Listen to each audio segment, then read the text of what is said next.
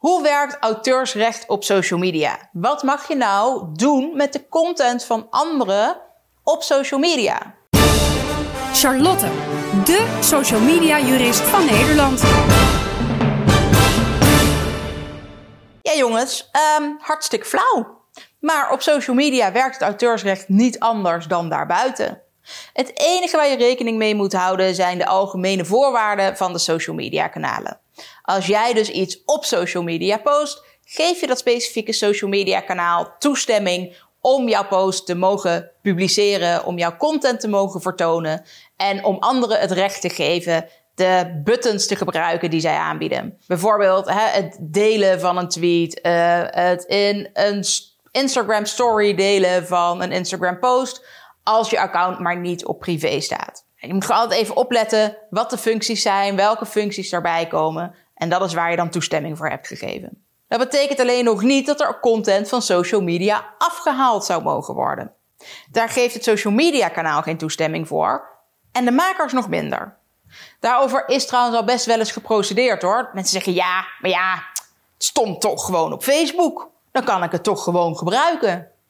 Nee, als het op Facebook staat of een ander social media kanaal, is dat nog geen vrijbrief om het te mogen gebruiken. Laatst zei iemand op LinkedIn ook: Oh, maar um, een YouTube-video, die kan ik gewoon downloaden. Als, het, als ik het kan downloaden, waarom zou ik het dan niet elders opnieuw mogen publiceren? Want het kan, dus dan moet het ook ook mogen. Ja, maar dat je het kan downloaden betekent vooral dat je gebruik kunt maken van je persoonlijk recht op een thuiskopie. Dan geeft je nog geen recht om het ook weer te mogen uploaden. Want dat is een nieuwe openbaarmaking. Daar heb je geen recht voor. Het belangrijkste om te bedenken is dus dat alles wat op social media staat, mag je alleen gebruiken binnen de functies van social media. Dus ja, dat je het van YouTube kunt downloaden, dat is dus wat je mag doen voor privégebruik, maar je mag het niet daarna verder uploaden.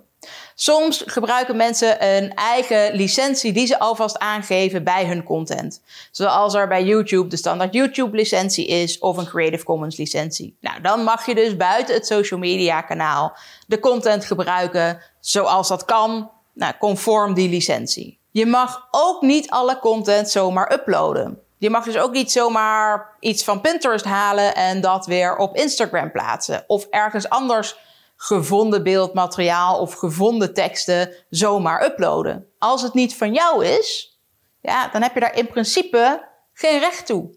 Tenzij je natuurlijk gebruik kunt maken van een uitzondering binnen het auteursrecht, zoals het citaatrecht. Dan zou het natuurlijk weer wel kunnen. Maar dan moet je wel aan de vijf criteria voldoen. Datzelfde geldt overigens voor publicaties. Vind je iets in een krant of een tijdschrift, omdat daar soms ook even een grappig stripje of cartoon in staat, of misschien wel omdat er iets over jou in is gepubliceerd, ook dat mag je niet zomaar screenshotten of niet zomaar een foto van maken, om dat vervolgens weer op social media te publiceren. Daar heb je gewoon toestemming voor nodig. De enige uitzonderingen zijn dus bijvoorbeeld zoiets als het citaatrecht of de parodie. Maar dan moet je echt zorgen dat je aan die criteria voldoet. Ik zal nog wel even linken naar video's die gaan over het citaatrecht en over de parodie. Mocht je hier nog verder vragen over hebben, waar de grenzen liggen, wat er nou wel en niet mag en of jij het op de juiste manier aanpakt, boek dan een adviesgesprek via www.oploskoffie.nu. Je kiest eenvoudig je eigen voorkeursdatum en voorkeurstijd en dan spreken we elkaar op dat moment op de wijze zoals jij wil en over het onderwerp waar jij over wil praten. Thank you.